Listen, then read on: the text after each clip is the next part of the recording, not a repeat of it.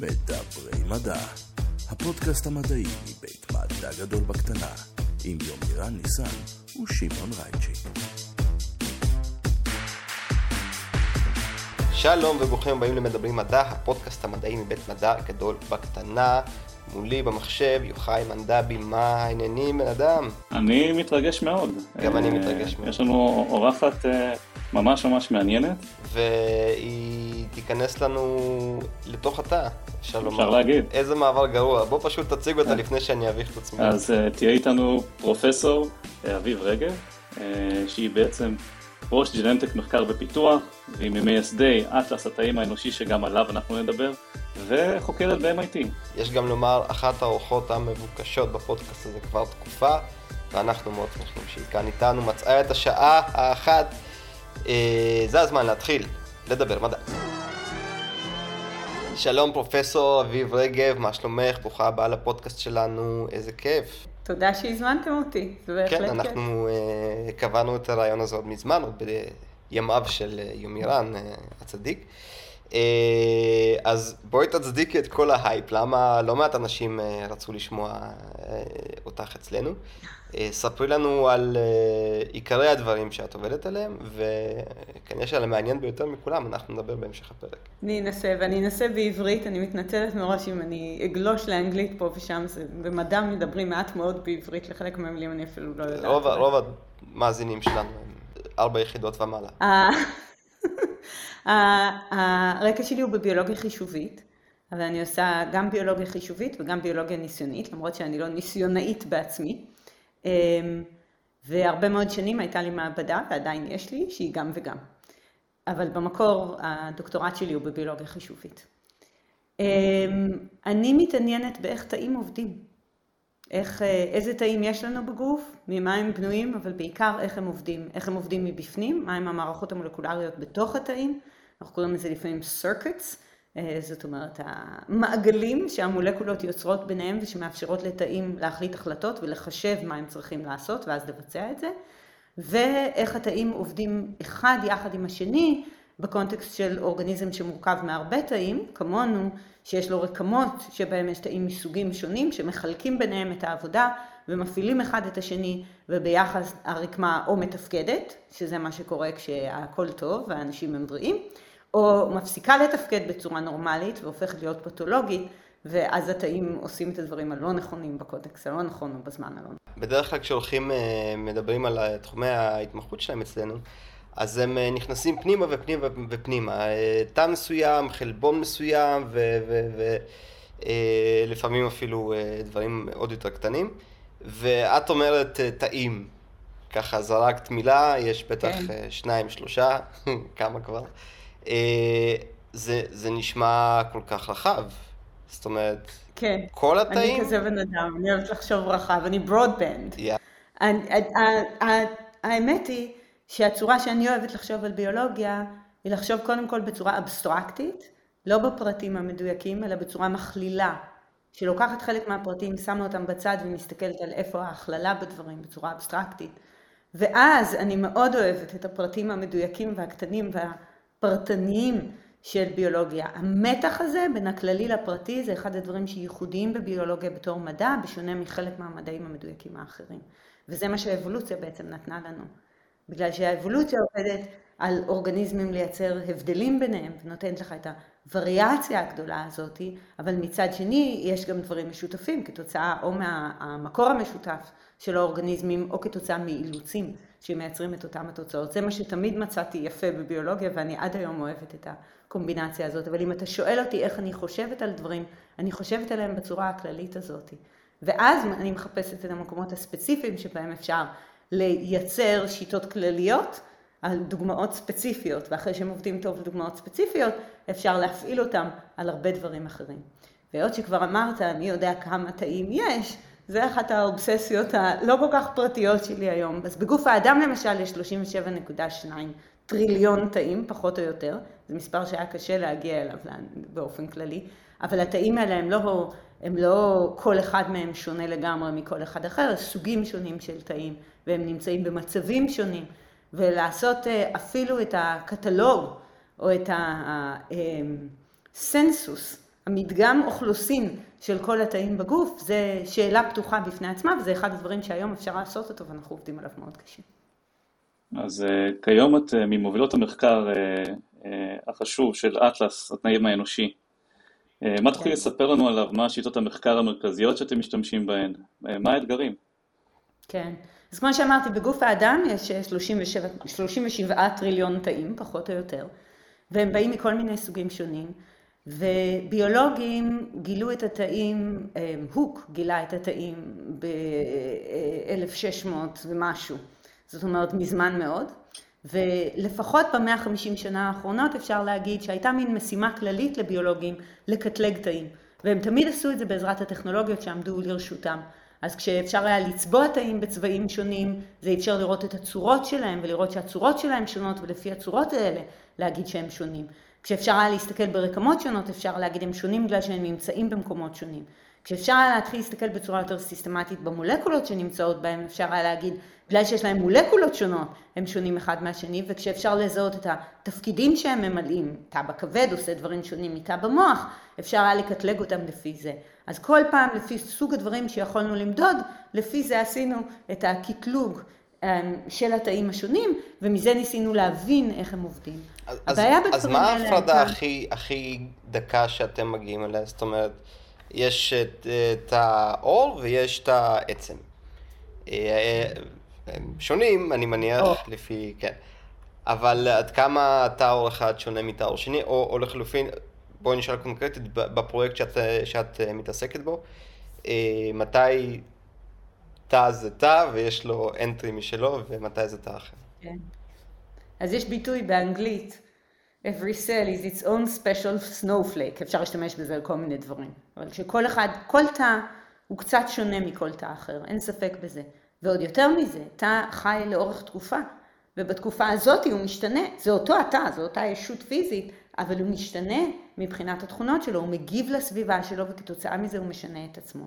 מה שאנחנו מחפשים הם מהם היחידות שיש להן איזושהי קביעות בזמן, אתה יכול לחשוב על זה כמו אינווריאנטיות, לא משתנות באיזושהי צורה כזאת שאתה יכול לתפוס אותם ולהגיד זה המאפיינים הכלליים שלהם. וזה קורה בכמה רמות שונות. יש רמה גבוהה שבה יש מספר יחסית מצומצם של סוגים מאוד יציבים של תאים. יחסית מצומצם יכול להיות אלפים, או אולי אפילו יותר מאלפים. אלפי סוגים. במוח יש המון סוגים שונים של נוירונים. אז המספרים האלה הם יחסית גדולים, אבל יחסית ל-37 טריליון זה לא כל כך הרבה. והתכונות האלה הן תכונות שהן יחסית יציבות. אם אני אסתכל על התא עכשיו, אני אסתכל עליו אחר כך, פחות או יותר אותו דבר לכל הנוירונים מהסוג המסוים הזה. ואם אני אלך רמה אחת יותר גבוהה מעל זה, לכל הנוירונים, באשר הם נוירונים, יש כמה תכונות שמשותפות להם. אז בעצם זה היררכיה, יש נוירונים באופן כללי, ואז יש נוירונים מהסוג הזה ונוירונים מהסוג הזה, ובתוך הסוג יש תתי סוגים, ובתוך התתי סוגים יש תתי תתי סוגים, אבל התכונות שלהם הן יחסית יציבות.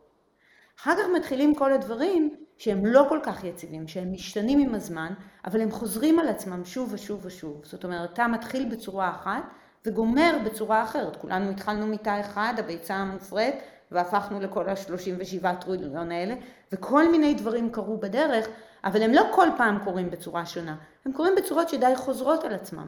אז הדברים הזמניים האלה, החולפים בזמן האלה, גם אותם אנחנו רוצים לתפוס ולהגיד, בנקודה כזאת, בהתפתחות העוברית, קיימים תאים שנראים, כל פעם הם נראים פחות או יותר ככה, אבל עוד רגע הם יראו אחרת ולפני רגע הם נראו אחרת. אז זה דבר הרבה יותר בר חלוף ועדיין שאנחנו יכולים לתפוס ולזהות אותו. וברמה השלישית, יש תוכניות שהתאים מריצים. אותו נוירון ברגע זה קיבל סיגנל, משהו קרה לו, הוא מפעיל איזה תוכנית והוא רוצה להשתמש בה. מסתבר שהוא לא היחיד שהשתמש בה, גם נוירונים מהסוג האחר עשויים להשתמש בתוכנית הזאת, ויכול להיות שבעצם כל תא בגוף צריך להשתמש בתוכנית הזאת. למשל, באיזושהי נקודה בזמן תאים מתחלקים. כשתאים מתחלקים, הם צריכים להשתמש בדברים מסוימים שנחוצים בשביל תאים להתחלק. הם צריכים לבנות כל מיני דברים, הם צריכים להכפיל את עצמם, הם צריכים לבקר את התהליך הזה. זאת תוכנית, תוכנית חלוקת התא, Cell Cycle באנגלית. והתוכנית הזאת היא מופעלת בתאים שוב ושוב ושוב ושוב. זה לא אותו דבר כמו סוג של תא, זה רק תוכנית, אבל אנחנו רוצים לזהות את התוכנית הזאת ולהגיד, זה תא מסוג מסוים, ומתת סוג מסוים, ומתת תת סוג מסוים, והוא נמצא בנקודה הזאת בזמן הטיפוסי שלו, והוא מפעיל את התוכניות האלה. וכשאתה אוסף את כל הדברים האלה ביחד ומוסיף עליהם את העובדה שהביולוגיה היא לא מדויקת, תמיד יש בה רעש, ואתה מוסיף את זה, בדיוק כזה לא תמצא עוד פעם. אבל עדיין יכולתי לתאר את התכונות הכלליות שלו, וזה בעצם מה שאנחנו צריכים בשביל להבין את הביולוגיה. את יודעת, ככל שאני שומע אותך מתארת את זה, ואני מנסה לחבר את זה לדברים שמובנים לי, אני מוצא את עצמי פתאום יותר ויותר חושב על תכנות, במובן הזה של מודולריות. זאת אומרת, אני הייתי עושה באמת איזשהו מנגנון שמבצע תוכנית מסוימת, ואז כל מיני דברים בקוד שלי, אפילו שהם שונים, אבל יש להם איזושהי חשיבה משותפת, ותפיסה מסוימת, ודרך לתקשר אחד עם השני. הם יכולים להיות מאוד שונים בסופו של דבר, אבל אולי כל אלה שיצטרכו את אותו מנגנון ספציפי, הם יקבלו אותו. אמ, מדהים. זאת אומרת, אה, וגם החשיבה האבסטרקטית שדיברת עליה מההתחלה, שזו פעם ראשונה שחשבתי על זה, זאת אומרת, אני, כן, אתה חושב גם על תוכנה, אתה חושב קודם כל במובן מאוד מאוד אבסטרקטי, לפני המתמטיקה ולפני שזה נהיה קוד. אמ, אז מדהים לגלות כזה מין, כזאת מין כן. אה, השתקפות בעולם הביולוגיה. אבל זה, אבל זה בדיוק ככה. ואם אתה מהנדס או אלגוריתמאי או מתמטיקאי, אתה הרבה פעמים רואה בתוך הביולוגיה שעברה אבולוציה, אף אחד לא עמד והנדס אותה, האבולוציה בדיוק, יצרה את זה. בדיוק. אתה רואה את, ה, את הדברים האלה, ואתה רואה אותם בשתי רמות. אתה רואה אותם ברמה שבעצם זה אותו, אנחנו קוראים להם מודולים האמת, לא תוכניות בדרך כלל, שזה בדיוק אותו המודול, ומשתמשים בו שוב ושוב ושוב. כשאני אומרת זה אותו דבר, זה אומר שאבולוציונית זה בא מאותו הדבר. ואתה גם רואה את הצד השני של זה, זה נקרא אנלוגיה בביולוגיה, שיש לך שני דברים שאין להם מקור משותף אבולוציוני, אבל מסיבות, במרכאות, הנדסיות, מסיבות הנדסיות, יש רק מספר מוגבל של פתרונות לאיך, לאיך אפשר לעוף. כן. אז הכנף של העטלף והכנף של הציפור, זו דוגמה קלאסית, כן. הם לא מאותו מקור אבולוציוני, אבל הם עדיין צריכים, שתי, שני האורגניזמים עדיין צריכים לעוף, וכתוצאה מזה יש אילוצים על איך הפתרון יכול להיראות. ואותו דבר רואים במערכות בתוך תאים. למשל, הרבה פעמים אתה צריך מה שאנחנו קוראים low pass filter. פילטר שיעביר סיגנלים רק בתכונות מסוימות, או יעביר סיגנלים רק בצורות אחרות. יש דברים כמו FM encoding ו-AM encoding. באמת? שאתה רואה ישירות מולקולות עובדות. זה בגלל שהתכונות צריכות להיווצר כתוצאה מזה. איך זה ממומש, האימפלמנטציה במונחים של אנשים במדעי המחשב, שונה מהספציפיקציה. ואחד הדברים היפים בזה שיש לך קטלוגים רחבים כאלה, כמו של כל התאים עם כל התכונות וכן הלאה, שאתה יכול, אתה יכול להתחיל להסיק מהם מהם התכונות הכלליות האלה. אתה יכול להסיק מהם את הדברים הפרטניים, את ה, בדיוק איך התאים מהסוגים השונים עובדים, ואיך הם, התאים האלה דרך אגב מריצים את עצמם. כל הדברים שאתה רואה, הם, הם גם התוכנה, הם גם החומרה, הם הכל מעורבב אחד בתוך השני. שלנו אין את הקוד מקור. אין, זה הכל, זה הכל בפנו, זה הכל ביחד. יש לנו, אנחנו לא מבינים אותו, אנחנו לא יודעים לקרוא אותו. כלומר, אנחנו מבינים את האותיות. זה מורכב יותר מזה. אבל, אבל זה העניין, אתה יכול לא להתחיל לראות את הדברים הספציפיים ולייצר את ההכללות ולהגיד, אה, כל התאים שצריכים לאבד סיגנל בצורה מסוימת עושים את זה במגוון מצומצם יחסית של אפשרויות. וכתוצאה מזה הביולוגיה שבהתחלה נראית כל כך ענקית שהיא מרגישה אינסופית, היא לא אינסופית כמובן, אבל היא מרגישה אינסופית. מספר האפשרויות יותר גדול ממספר האטומים ביקום. מסתבר שהיא הרבה יותר uh, low rank כן. מזה. לא כזאת מורכבת כמו שאנחנו חושבים, היא מורכבת מיחידות כאלה, אבל אנחנו צריכים, אנחנו צריכים להסיק את היחידות האלה מדאטה, אנחנו לא יכולים לדעת אותה מראש עד שאין לנו את הדאטה ואנחנו עושים את ההעסקה. שמע, יוחאי, מדע זה לעשות סדר, זה פשוט זה. פשוט לקחת משהו לא מסודר. כי, ו... כי זה, החס, זה החסרונות של אנשים, אנשים צריכים סדר כדי להבין דברים. הטבע פועל אה, בשלו, אם יש סדר או אין סדר. או, אבל, אבל, אבל כל מה שאנחנו יודעים על ביולוגיה. והאילוצים, גם האילוצים ההיסטוריים, שזה האבולוציה, וגם האילוצים החיצוניים, העולם הפיזי, מייצרים במרכאות את הסדר. זאת אומרת, אף אחד לא עמד וייצר אותו בכוונה, אבל האמת היא שהוא קיים, והוא קיים בדאטה, וזה מה שגם התבונה האנושית וגם אלגוריתמים, בייחוד כשהם מתחברים ביחד עם הרבה דאטה, מצליח, עם הרבה נתונים, מצליחים לעשות. וזה, אני חושבת, נקודה עקרונית לאטלס התאים האנושיים, שאנחנו לא רק משיגים את הדאטה, אנחנו גם מוציאים ממנו את התבניות האלה, ואז התבניות האלה מאפשרות לנו להתחיל לענות על שאלות שמאוד חשובות לנו, גם שאלות בסיסיות בלהבין ביולוגיה, וגם שאלות מאוד מאוד פרקטיות בלהבין איך מחלות עובדות, ואיך לטפל בהן, ואיך לעשות דיאגנוזה לחולים, ואיך לפתח תרופות, כל הדברים האלה גם אה, נגזרים מתוך הדאטה הזאת. שזה מוביל אה, לנקודה, אה, נגיד והיה לנו עוד 10, 20, 30, 50 שנה את הידע המקיף של אטלס התאים האנושי. מה זה ייתן לנו? כלומר, איזה פיתוחים את מצפה שיהיו, איך, איך העולם ייראה עם כל הידע הזה? כן. אני חושבת שקודם כל לא נצטרך לחכות 50 שנה. כן. זה הולך יותר מהר ממה שציפינו. טובי המוחות על העניין, יפה. כן, מה זה 50 שנה, זה בלתי ניתן לחישוב בכלל. כן. אנחנו חמש שנים פנימה, ארבע שנים פנימה, ואני חושבת ש... והתוכנית הייתה לעשור, ואנחנו אנחנו on track. אז הדברים נראים. בסדר, לעת עתה. תמיד יכולות לקרות תקלות. איך אתם יודעים איפה הסוף? סליחה, תעני על השאלה של יוחאי, תעני על השאלה של יוחאי, ואז אני אשאל שוב. זו שאלה הרבה יותר קשה, אבל מה אנחנו יכולים ללמוד מזה זה כבר לא שאלה באוויר, זה לא שכשנגמור נדע. אנחנו כבר יודעים הרבה יותר היום ממה שידענו. לפני ארבע שנים ולפני עשר שנים. בגלל שעם מפות, אפילו מפה חלקית ברזולוציה לא הכי טובה בעולם, היא עדיין מפה רבת ערך, להבדיל משום מפה בכלל. וזה בעצם הפער שאנחנו ממלאים. אנחנו כל הזמן מגדילים את הרזולוציה, וכתוצאה מזה שאנחנו כל הזמן מגדילים את הרזולוציה, אנחנו כל הזמן לומדים דברים חדשים שהם שימושיים. אז ניתן לך סדרה, סדרה גדולה של דוגמאות. נתחיל בגנים שתורמים לסיכון למחלות. יש גנים כאלה שגורמים למחלות מאוד, אה, אה, אתה יודע שיש לך גן אחד ומחלה, CF, cystic fibrosis זה מחלה כזאת, יש גן אחד, מוטציה קשה ויש מחלה מלאה. יש גנים שיש מחלות כמו מחלות לב או הסיכון לחטוף סרטן או אה, לא הסרטן עצמו אלא הסיכון לחטוף סרטן או Crohn's disease או Alzheimer's, שזה מחלות שבדרך כלל הרבה מאוד גנים תורמים לסיכון, כל אחד מהם בכמות קטנה, והגנים האלה הם מאוד נפוצים באוכלוסייה. ב-15 שנה האחרונות, גנטיקה של אנשים עברה מהפכה בפני עצמה, וכתוצאה מזה יש לנו היום יותר מ-100 אלף מקומות בגנום האנושי, שאנחנו יודעים שהם באיזושהי צורה, הווריאציה בהם גורמת לסיכון למחלות או לתכונות אחרות, גבוה נמוך, הצבע של השיער שלי, כל מיני דברים כאלה.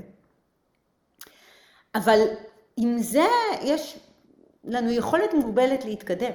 הדבר הראשון שכל בן אדם שואל את עצמו ברגע שהוא אומר, אה, הדבר הזה קשור במחלה הזאתי, באיזה תא זה עובד ובאיזה רקמה. בגלל שרק אם אני יודעת את זה, אני יכולה ללכת לחשוב על לפתח תרפיה, על להבין את המנגנון, להבין איך כל העסק הזה קורה, כי רק אם אני אבין איך המחלה קורית, אני אוכל, אני אוכל לעשות לה דיאגנוזה ולטפל בה. וזה בדיוק איפה שהתאים האלה יושבים. יש לנו דוגמה מאוד יפה לזה מסיסטיק פיברוזיס, זו מחלה שהגן שלה זוהה בגנום לפני יותר מ-30 שנה, ובמשך ה-30 שנה האלה אנשים חשבו שהגן הזה מתבטא בתא מסוים, שהגן הזה משתמשים בו בתא מסוים במערכת אה, אה, הנשימה והריאות. רק שהסתבר שזה לא נכון. וזה רק הסתבר בשנת 2018. זה הסתבר בזכות וואו. השיטות האלה שמאפשרות לנו להסתכל בתאים בודדים שהם הבסיס של אטלס התאים האנושיים, וזה היה מאחד האטלסים הראשונים שעשו לה, אמ, למערכת הנשימה, והאמת היא שבמכון ויצמן יש היום פרופסור משה ביטון, שהיה באותו זמן פוסט-דוק במעבדה שלי, והוא אחד משלושת האנשים שגילה את התא הזה. וואו. הוא נקרא איונוצית, והוא מאוד מאוד מאוד נדיר. הוא כל כך נדיר שלא ידענו בכלל שהוא קיים. אז בכלל, זה לא מוביל אותי לשאלה אה, נוספת שקשורה גם למה שהתפרצתי איתו קודם. בעצם, אנחנו לא יודעים את כל התאים בגוף האדם. לא. אז... אנחנו לא. אז מה, מה, מה היה הרעיון? פשוט להעלות רזולוציה עד ש... הרעיון היה, הרעיון בא מהיכולת לעשות את זה. זאת אומרת, ב, לפני בערך עשר שנים, אה, התחלנו לפתח שיטות שבמקום להסתכל על הרבה תאים ביחד, מאפשרות לכם, לך להסתכל על המולקולות של כל תא בנפרד, ובאותו זמן בייחוד על ה-RNA, שזה אה, תוצר ביניים בין ה-DNA, איפה שההוראות, והחלבונים, שזה כאילו, הם עושים את רוב העבודה בתא, פחות או יותר. ואתה יכול לחשוב על זה כמו הכרטיס ביקור של התא. התא לא משתמש כל הזמן בכל הגנים שלו, הוא משתמש רק בחלק מהם. אלה שהוא משתמש בהם, הוא מייצר מהם RNA, הוא לא סתם מייצר או לא מייצר, הוא מייצר כמויות שונות, ואם תסתכל על הכמויות של RNA שמיוצרות מהגנים השונים, זה כמו הכרטיס ביקור, זה הזהות של התא. הבעיה בעבר הייתה שבשביל למדוד דברים כאלה היינו צריכים לקחת אלפים, עשרות אלפים, מאות אלפים, מיליונים, מאות מיליונים, לפעמים ביליונים של תאים ביחד, שהרבה מהם שונים אחד מהשני, לשים אותם ב equivalent של בלנדר ולהוציא מזה את ה equivalent של, של כזה שייק פירות, basically. שייק פירות, שאם נניח כל תא אתה חושב עליו בתור חתיכת פרי שונה, יש תותים ויש בננות ויש, ויש תפוזים, עכשיו אתה מקבל איזה, איזה תערובת של כל הדברים האלה ביחד, ואם היו הרבה מאוד תותים, אז זה פחות, פחות או יותר נראה ורוד, ואתה אפילו לא יודע על הדברים האחרים שהיו שם. אם היה שם רק, היה שם רק חתיכת בננה אחת במאות אלפי תותים, איפה תדע שיש בננות בכלל בעולם? זה היה הבעיה הבסיסית, והיא הייתה בעיה טכנולוגית. וכשהשתלטנו על הבעיה הטכנולוגית, או לפחות התחלנו להשתלט על הבעיה הטכנולוגית, יכולנו להתחיל להסתכל על תאים בודדים, ואז יכולנו להסתכל על כמויות גדולות של תאים בודדים, והיו לנו את האלגוריתמים הנכונים להוציא מזה את הסיגנל, כי הסיגנל היה מאוד רועש וקשה, אז פתאום זה היה אפשרי. אז... ואז כשמשהו נהיה אפשרי, אתה שואל את עצמך, אם אני אוכל לעשות את זה, האם זה שווה לעשות? אז תשובה כזאת, כמו אני אוכל להגיד לכל גן שקשור במחלה באיזה תא הוא משתתף, זו הייתה תשובה מאוד חשובה. ויש עוד כאלה, אם אני אוכל לקחת דגימה מחולה, ביופסיה או בדיקת דם, ולהסתכל בכל התאים שם ולהגיד, זה מה שהם עושים עכשיו. במקום רק לספור כמה משבעה סוגי תאים יש לך, שזה בדיקת דם סטנדרטית. סופרים כמה תאים יש לך משבעה סוגים עיקריים, אבל במערכת החיסון שלך יש מאות סוגים של תאים. לא שבעה סוגים של תאים, בגלל התת סוגים והתת תת סוגים והתת תת סוגים, והם מאוד משתנים בהינתן מה קורה בסביבה, למשל אולי נדבקת באומיקרון בדיוק, שזה לא כיף גדול, אבל המערכת החיסון שלך הולכת להגיב לזה, והתאים לא יראו אותו דבר. אם נוכל להביא את האינפורמציה הזאת, זה יעזור לרופאים להבין מה לעשות. זה בעצם יביא רזולוציה הרבה יותר גבוהה של טיפולים? כלומר, הרבה יותר סוגים של טיפולים שהרבה יותר ממוקדים בבעיה. גם לזהות איפה לטפל, גם לפתח את התרופות עצמן, ואז גם לתת את התרופות האלה ברזולוציה הרבה הרבה יותר גבוהה. זה לא משהו שיכולנו לעשות פעם. ואם יש לנו את הקטלוג המלא, אם יש לך את המפה, אתה יודע לאן אתה הולך. זה היה הרעיון הבסיסי. יש טכנולוגיה, יש אלגוריתמים, ויש בעיה ביולוגית ורפואית, אם נשים את כל הדברים האלה ביחד, נוכל להביא תועלת, ולא, ולא בחמישים שנה. המאזינים שלנו בטח גם נזכרים בפרקים של הביולוגיה ההתפתחותית, שבהם אה, דיברו על הקושי למצוא אה, את הקשר בין הגן לאזורי הביטוי שלו במהלך הזמן, ואז מסתבר שגנים מעורבים לפעמים בכל מיני דברים, ואנחנו אפילו לא מבינים את זה עד הסוף. זה פשוט, אני חושב שכמות התוכן ש, שהפרויקט הזה לבד, כפי שאת מתארת אותו, נוגע ביחס לתכנים שאנחנו העברנו פה בפודקאסט עד עכשיו, אה. נגעת נראה לי כמעט בכל אה, פרק ביולוגיה שהיה לנו. כן, היא היחידה היסודית. אין דבר יותר קטן מתא שהוא עדיין חי בביולוגיה. יש דברים יותר גדולים. ואם אתה מבין את זה, ויש לך את הקטלוג של התאים, זה כן, זה נוגע לכל דבר בביולוגיה. לכל שאלה. ביולוגיה התפתחותית זו דוגמה נהדרת, בגלל שרק לסדר את הסדר של האירועים היה מאוד מאוד קשה. היום אנשים לוקחים אורגניזמים, מסתכלים בכל התאים שלו בנקודות זמן שונות, או אפילו רק בנקודת זמן אחת, והאלגוריתם מסדר לך את הסדר של האירועים. זה משהו שאי אפשר היה לדמיין לעשות פעם, והיום אנשים עושים את זה כאילו לארוחת בוקר, זה אפילו כבר לא מרגיש קשה. לפני, לפני חמש שנים התרגשנו, עכשיו אנשים מניחים שזה מובן מאליו. לראייתך, איך את רואה את החיבור בין מתמטיקה לביולוגיה אה, מתקדם בפרויקט הזה, או בביולוגיה בכלל, בשנים הקרובות, כי זה נהיה סוג של אה, כלי מהותי בביולוגיה. נכון, והפרויקט הזה הוא דוגמה נהדרת, אז אני אתחיל איתו, כי אני חושבת שהוא דוגמה נהדרת ללאן דברים הולכים ללכת. אה, הטכנולוגיה הבסיסית שאפשרה להתחיל לדמיין את אטלס התאים האנושיים, היא טכנולוגיה שנקראת single cell RNA-seq, או אה, לרצף את ה-RNA מתאים בודדים, אין לזה מילה נוחה בעברית. והטכנולוגיה הזאת היא דוגמה למשהו שהיה צריך לעשות בו החלטה מאוד גדולה בשלב מוקדם על מה, איך, איך טכנולוגיה טובה הייתה נראית. כי כשעשינו את הניסיונות הראשונים בטכנולוגיה הזאת, הנתונים שקיבלנו, הדאטה שקיבלנו, היה, היה, בוא נאמר ככה, לא משהו. זאת אומרת, השגת מספר קטן, בתא יש הרבה מולקולות של RNA, זה דגם בין חמישה ל-20 אחוז מהם, והדאטה היה רועש, רועש, רועש. המון דברים לא נמדדו טוב בעצם. ואז אתה יכול לבחור בין שתי בחירות. אתה יכול להגיד, אני רוצה להשיג נתונים מאוד מאוד טובים לכל תא. לתא אחד, לקחת תא אחד ולדעת את כל מה שיש בו בדיוק, וזה היה האינסטינקט של רוב האנשים. והאלטרנטיבה הייתה, אני אסתדר עם זה שכל תא נמדד בצורה לא טובה, אבל אני אשיג המון תאים. והסיבה לבחור באופציה השנייה, שהייתה לא טיפוסית ולא נוחה לביולוגים, ולא מתאימה לאיך עשינו תמיד דברים בג'נומיקס, ששם תמיד רוצים למדוד הכל, הייתה מתמטית או חישובית. שבביולוגיה יש הרבה תלות בין הרמה של גנים שונים, כי גנים צריכים להתבטא ביחד בתוכניות האלה שלהם, במודולים האלה שלהם, אז יש הרבה קורלציות, וכתוצאה מזה, אם יהיו לך, אם תדגום הרבה מאוד תאים מאוכלוסיית התאים, אתה תוכל לשחזר חישובית את כל היחסים ביניהם. אבל אם תיקח את אותה כמות של ניסיון ותשקיע אותו בתא אחד או בשניים, בסופו של דבר תדע המון על תא אחד או שניים, אבל לא תדע את השאלה, לא תדע את התשובה הכללית, את התשובה הסטטיסטית. וזה חשיבה חישובית ומתמטית וסטטיסטית. זה לא היה טיפוסי לביולוגיה. וזה גרם לזה שאנחנו פיתחנו שיטות ניסיוניות, שאפשרו לנו למדוד קודם עשרות אלפי תאים והיום מאות אלפי ומיליוני תאים, בקלות רבה ובזול, והדאטה מכל תא הוא דפוק. הוא עדיין לא משהו. אבל הדאטה ממיליון תאים מאפשר לך לענות על השאלות שאתה רוצה לענות.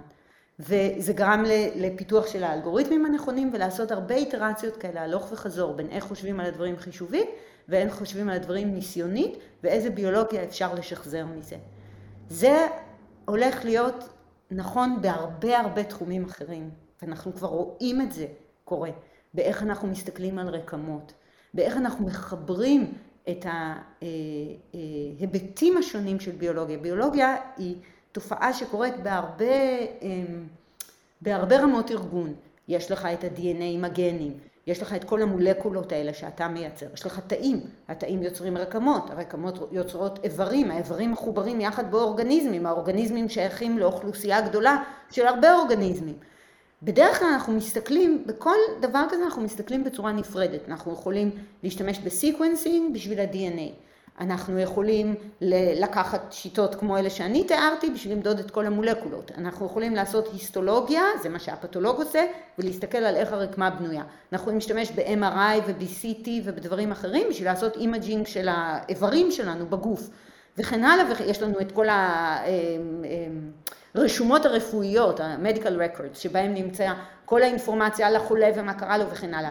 כל דבר כזה זה תמונה נפרדת. במדעי המחשב אנחנו אומרים view. מדעי המחשב נהיו ממש ממש טובים בלחבר דברים כאלה שהם views שונים, אבל של אותו דבר, כי בסופו של דבר יש רק אני אחת. יש לי את הגנום שלי ואת התאים שלי ואת המולקולות שלי, ועשו לי MRI ועשו לי CT, ולרופא יש את הרשומות הרפואיות שלי, אבל זה רק אני, בן אדם אחד. זה לא באמת דברים שונים. כלומר, אפשר לנצל את היכולת של המחשב להצליב. לחבר. ולעשות את זה באופן אה, בלתי תלוי בתשומת לב, הוא פשוט עובר על הכל, הוא מחפש את כל כן, ה... כן, האלגוריתם מחבר את זה ביחד. וזה משהו שמדעי המחשב, בייחוד בעזרת, אה, בעברית, למידת מכונה, Machine Learning, בייחוד מהסוג המודרני, עשה עבודה טובה במיוחד בעשור האחרון בבעיות אחרות. למשל, אנשים רוצים לחבר את האודיו והווידאו בסרט. יש לך את התמונה ויש לך את האודיו, אבל לא מסונכרן ואתה לא יודע מי אומר מה. אלגוריתמים עושים את זה נהדר היום. עושים המון דברים. אבל זה בדיוק אותו דבר כמו לחבר את המולקולות ואת ה-MRI. ולהגיד איך זה בעצם מתמפה לזה, ואם אנחנו נבין את זה, זה, זה אומר להבין איך הביולוגיה עובדת. כן. אז, אז יש גם דברים קונספטואליים כאלה, שפשוט אנחנו יודעים איך לחשוב עליהם אלגוריתמית ואנחנו יכולים להביא לביולוגיה, אבל יש גם את הצד השני של זה. ביולוגיה, יש לה את הסט של השאלות המעניינות שלה, שהן שונות הרבה פעמים מהבעיות שאנשים במדעי המחשב או במתמטיקה או בסטטיסטיקה עבדו עליהן בעבר. למשל, יש לנו יתרון גדול בלחשוב על סיבתיות, על קוזליטי, בגלל שגנטיקה מאפשרת לנו לעשות, להתערב ולבוא, להוריד איזה גן ולראות מה קרה, ואנחנו יודעים שזה הסיבה. בגלל שיש כיווניות כזאת בביולוגיה. וזה משהו שקל לעשות בביולוגיה ניסיונית, או בגנטיקה של אוכלוסיות, ומאוד קשה לעשות בתחומים אחרים, או אפילו לא רלוונטי בתחומים אחרים. אז זה משהו שאנחנו יכולים להביא לעולם החישובי והמתמטי. ולכן אני חושבת שבעשור הקרוב, הולך להיות חתונה מצוינת, מעל ומעבר למה שראינו בעבר. אז ציינת איך ההתפתחויות בלמידת מכונה, נגיד בתעשייה, עזרו בעצם גם לביולוגיה להתקדם. איך את רואה את השילוב של התעשייה ועולם המחקר בפיתוחים האלה בעתיד הקרוב? אז אני, יש לי קצת פרספקטיבה על זה בין השאר, כי אני בעצמי עברתי. אז עד, עד קיץ 2020, אני הייתי, 2020, אני הייתי ב-MIT וב-Broad Institute, שזה מוסד משותף ל-MIT ולהרווארד, וב-Howard Hughes Medical Institute. וטכנית אני עדיין שם, ולכן זה בסדר שקראתי לי פרופסור, כי אני בחופשה, ללא תשלום. אבל בקיץ 2020 אני עברתי לג'ננטק וראש. ואני אחראית ל-research ו-early development, זה איך אומרים, מחקר ופיתוח בג'ננטק. אנחנו עושים תרופות, אנחנו מטפלים באנשים בסופו של דבר. וכתוצאה מזה יש לי גם פרספקטיבה על שני הצדדים, וגם כמובן הייתה לי איזו סיבה לחשוב שזה רעיון טוב לעבור בנקודה הזאת בזמן. וזה בגלל שאני חושבת שהעולמות האלה, כמו שדיברתי על המתמטיקה והביולוגיה, העולמות האלה מתמזגים יותר ויותר אחד עם השני, וההפרדה ביניהם היא לא חדה. כמו שכולם חושבים. Genentech יש לה היסטוריה עשירה בלהיות חצי אקדמית במילא, אבל אם אתה חושב אה, ב tech, לא בביוטק, גוגל ופייסבוק ואמזון ומייקרוסופט, לכל החברות האלה יש פעילויות אקדמיות ענפות בעולם של מדעי המחשב. בגלל שאנחנו יודעים היום שאתה צריך ללכת עם איפה שהבעיה נמצאת, איפה שהדאטה נמצא, ואיפה שאתה רוצה לעשות impact. והעולם, גם העולם האקדמי, גם העולם של הסטארט-אפס וגם החברות הגדולות, כל המקומות האלה הם מקומות רלוונטיים, זה רק השאלה היא מה אתה רוצה להשיג. אני יכול להגיד לך שמהפרספקטיבה הזניחה שלי, של אה, חברה אה, מכובדת שעושה בסך הכל משחקי מחשב, גם היא משקיעה בדור העתיד של, ה, של סטודנטים ושל... ובבריאות התעשייה באופן כללי, ו... כי, זה, כי זה מאוד ברור היום שאנחנו חיים בעולם שבו אה, כל, כל פיסת ידע, כל אה, קמצוץ, כמו, בדיוק כמו כל התאים שאת רוצה אה, לא לפספס בהם בדיוק. שום דבר, את צריכה לגרוף אלייך, לשמור אותם קרוב ולחפש. תגידי, איך היה המעבר מהאקדמיה לתעשייה? מה, מה, היה, מה, היה מה, מה היה, מה ישר הרגשת שחסר? ומה ישר הרגשת שהנה סוף סוף היה לי כל כך חסר שם? אז קודם כל לי היה מעבר מעולה, בין השאר כי כל הצדדים בעניין היו גם מאוד תומכים ועוזרים ואני לא עברתי רק מעבר אחד, המעבדה שלי נשארה בברוד וב-MIT למשך שנה נוספת והיא רק עברה אחרי שנה, אז הכל היה הדרגתי וחלק במידה רבה, כך שלא היה לי, קמתי בבוקר ואוי ואבוי אני מרגישה שמשהו לא שמה, יכול להיות שיום אחד זה עוד יבוא, אבל האמת היא שזה לא הייתה החוויה הפרטית שלי. ואנחנו גם קוראים לעולם שלנו ecosystem, זה כמו אקולוגיה, כל החתיכות מחוברות אחת לשנייה, וההרגשה היא שאתה רק במקום אחד או רק במקום אחר, זה פשוט לא, לא החוויה שלי. החוויה שלי הייתה יותר שאני מוסיפה לעצמי עוד זהות. לא שהשלתי את הזהות הקודמת שלי, אני עדיין אה, פרופסור, אני עדיין אוהבת ללמד אנשים, סטודנטים ופוסט-דוקים, אני עדיין עושה מחקר, אני עדיין כותבת מאמרים, אבל אני עושה גם דברים אחרים. והדבר העיקרי שהרגשתי שרציתי לעשות ושהזמן אליו הגיע, וזה ככה הייתה הרגשה שהתבשלה בי באורך זמן, זה הרגשתי שהעולם הולך להיות מורכב מארבע חתיכות, אם אנחנו רוצים לעשות, אה, לשנות, לעשות טרנספורמציה באיך אנחנו אה, מבינים את הבסיס של מחלות אצל אנשים ומביאים להם טיפולים הולמים. ושחתיכה אחת הרגישה לי יותר, אחת מהארבע הרגישה לי חסרה בעולם הקודם שלי. אז הארבע חתיכות זה היכולת לעשות ביולוגיה באנשים ולא רק בחיות או במודלים במעבדה, ודיברנו על אטלס התאים האנושיים. החלק השני זה שהשיטות הניסיוניות שלנו השתנו בצורה דרמטית, הן נהיו הם, מאוד מסיביות וברזולוציה מאוד גבוהה, ואני חושבת שנגענו גם בזה. האלמנט השלישי היה שהעולם של האלגוריתמים, היכולת שלו היום לפענח, גם לפענח בשבילנו את היסודות של הביולוגיה, אבל גם לייצר בשבילנו, אה, אה, במובן זה, במובן הגנרטיבי, אני לא יודעת איך להגיד את זה בעברית, מודלים גנרטיביים, שמייצרים בשבילך לא רק פרדיקציות, אלא ממש ישויות חדשות, כמו תרופות חדשות, מולקולות חדשות, לייצר מהם תרופות חדשות וכן הלאה. הגיע זמנו והביולוגיה פוגשת אותו בצורה הנכונה, ואז האלמנט כאילו שהרגיש לי חסר זה היכולת לממש את זה בעולם. שמצריך יותר ממה שקיים בעולם האקדמי. העולם האקדמי הוא, אה, הוא, הוא, האופטימיזציה בו היא לייצר לא רק ידע חדש, אלא ללמד אנשים איך, איך לחקור. זה מה שאתה עושה עם סטודנטים ופוסט-דוקים. אתה מלמד אותם איך להיות מדען חוקר, על ידי זה שהם בעצם עושים את העבודה ואתה שמה לתמוך בהם, לייצר מסגרת אינטלקטואלית, להיות קולגה שלהם, לעבוד איתם ביחד. אבל כתוצאה מזה הפרויקטים הם מוגבלים בזמן, כי הם צריכים להתאים לזמן הלמידה של בן אדם מסוים. הם מוגבלים לפעמים בסקופ שלהם והם גם פשוט לא בנויים בשביל לפתח תרופות חדשות. זה לא המטרה שלהם, זה לא הלוחות זמנים שלהם, זה לא המגוון של היכולות שקיימות שם, זה לא העבודה הפיזית שקשורה בזה ולא העבודה האינטלקטואלית שקשורה בזה. ואני רציתי לחבר את השלוש חתיכות פלוס האחת. ובשביל זה אתה צריך לבוא למקום ש... שבעצם התעשייה מביאה את, ה... כן. את הידע הזה לאנשים, כלומר את הפתרונות. כן, כן. בתעשייה זה המטרה העיקרית שלנו, אנחנו מפתחים תרופות, אנחנו עושים המון מחקר בסיסי, אנחנו מפרסמים המון מאמרים, אבל כל בן אדם שבא לג'ננטק רוצה בדרך זו או אחרת, דרך העבודה שהוא עושה, לתרום לפיתוח של תרופות. ואתה יודע, זה לאנשים שיש להם סבלנות אינסופית, זה המון שנים לראות את ה-payoff, לראות את התוצאה האמיתית, לראות תרופה שהיא launched והיא באמת מגיעה למספר רחב של אנשים. אבל היכולת הזאת היא לא רק להגיד, זה מה שלא עובד, אלא שיש לך גם איך לתקן את זה, זה משהו שממלא את הלב שלך בצורה אחרת. ויש נקודות בזמן שבהם אתה צריך להקדיש את עצמך ללהבין מה לא עובד, ויש נקודות בזמן שאתה צריך להקדיש את עצמך למה כן עובד, ויש נקודות בזמן שאתה צריך להקדיש את עצמך למה לא עובד, מה צריך לעבוד ואיך לגרום לזה לקרות. ואני הגעתי גם לנקודת זמן הזאת, אבל גם התחושה שלי היא שהעולם הגיע לנקודה של שינוי דרמטי במה אנחנו יכולים לעשות.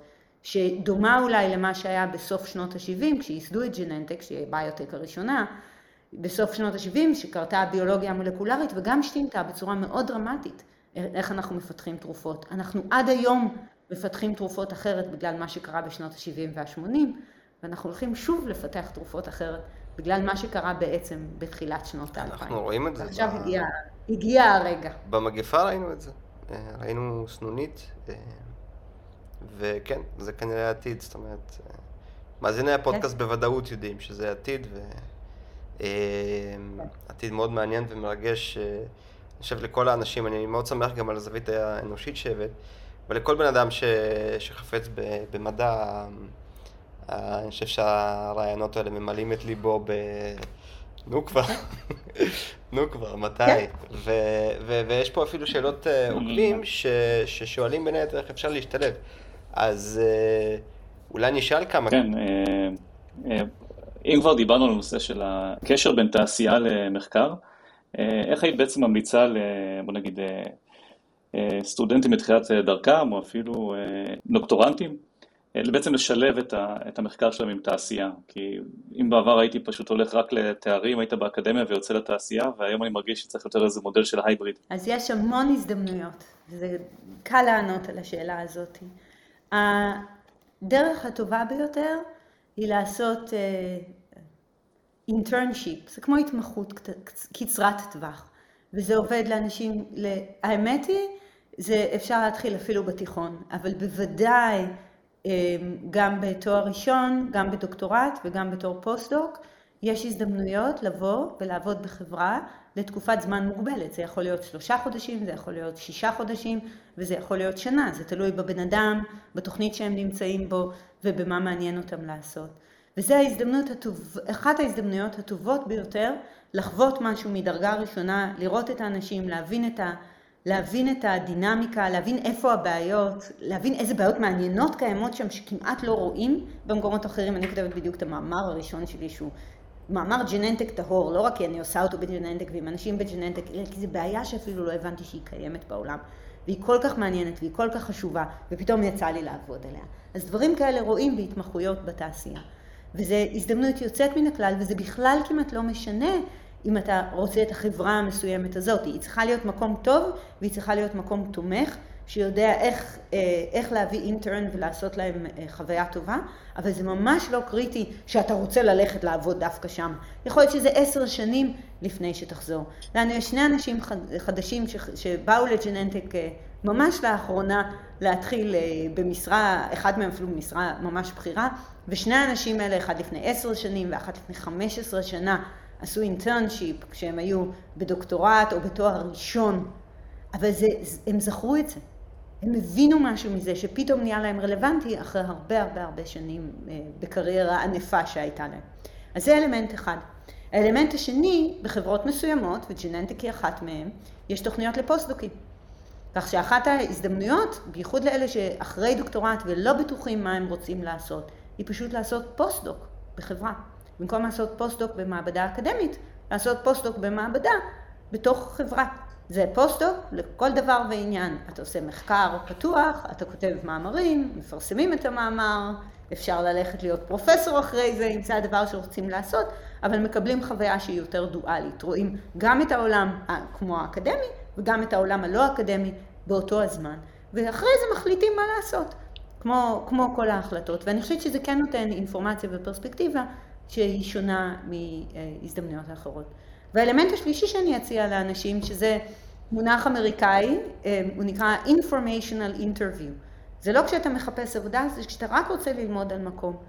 אתה כותב אימיילים או פונה בטוויטר או בסלאק או באיזה מערכת שאתה רגיל להיות מחובר לאנשים אחרים ואומר, הייתי מאוד רוצה לשמוע על סוג העבודה שלך, זה מעניין אותי, אנשים מ LinkedIn, whatever.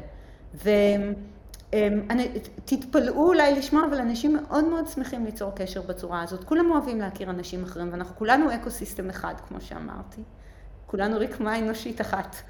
וכתוצאה מזה, אה, אפשר ללמוד המון. זה גם טוב ל networking, ליצור קשרים עם אנשים אחרים, אבל זה גם מצוין לממש להבין איך עולם אחר נראה, שאחרת קצת קשה להבין אותו כשרק מסתכלים מבחוץ. אז אלה כמה דרכים פשוטות וקלות ונוחות, ואנשים מוזמנים לפנות אליי או לכל אחד אחר שמעניין אותם אה, לשמוע על זה עוד. תשמעי, אני חושב שבתשובה שלך ענית על עוד כמה שאלות על הדרך, אבל אה, מה שאני שמעתי מדברייך זה, חבר'ה, תרפו את החיים, תעופו עליהם, תעשו מה שמעניין אתכם, אה, אל תסתפקו. באיפה שאתם עכשיו, תחפשו ותראו כי... כי העולם מלא בהזדמנויות וב... אנשים טובים שעושים דברים מאוד מעניינים ש, שאנחנו אפילו לא יודעים עליהם, כמו לחפש תאים שאנחנו לא יודעים אפילו עליהם. אה, פרופסור אביב רגב, אני...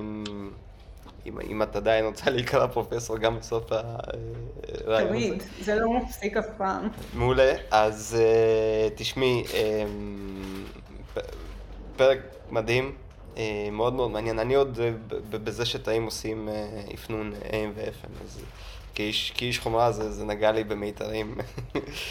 צריך לבדוק באיזה תאים בלב שלי זה נגע בדיוק, אבל אין ספק שזה, שזה עשה לי כיף.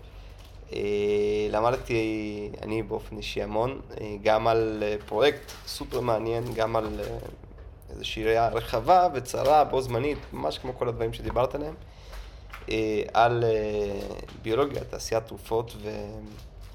ובכלל, וקצת אקדמיה ותעשייה בכלל. יוחאי, איך אתה מסכם כזה פרק מהלב שבו, מה זה בקושי דיברנו, רק ישבנו והקשבנו עם... אה, אה, זה היה מרתק, אז אה, אנחנו פה גם כדי להעביר את התוכן, אבל גם נהנים. נכון. על הדרך. וגם על הזווית האנושית ועל המחקר הסופר מעניין. אנחנו מאוד מאוד רוצים להגיד לך תודה. עד כאן הזמן שלנו. תודה יוחאי, שהיית נפלא כהרגלך. תודה שמעון. תודה פרופסור אביב רגב. אה, תודה לכם, המאזינים שלנו שהייתם. ותודה שהזמנתם אותי. בשמחה. אנחנו פה, אה, את אה, כבר מקבלת מאיתנו הזמנה לפעם הבאה. מתישהו, מתישהו תהיה, את הרעיון הזה לקח לקבוע רק קצת יותר מחצי שנה, אז אני בטוח שיהיה לך זמן לחשוב על מה עשית. בשמחה. בשמחה, כי יש לי תחושה שגם איפה שלא נמצא אותך בעוד כמה שנים, זה בטח יהיה במקום אחר. אה, מעניין ומופלא. אני רוצה להגיד תודה לכל המאזינים שלנו. אני רוצה להזכיר לכם שיש לנו גם אה, עמודי פייסבוק וטוויטר ולדעתי אפילו לינקדאין. אבל הכי חשוב, יש לנו גם פטריון ו... אנחנו אוהבים את המזומן, מה שנקרא. אז אם אתם רוצים לתמוך במה שמדע גדול בקטנה עושים, ובפודקאסט הזה, תיכנסו, תראו אם זה מעניין אתכם. אנחנו היינו מדברים מדע, הפודקאסט הרשמי, ומדע גדול בקטנה. עד הפעם הבאה, נשתמע.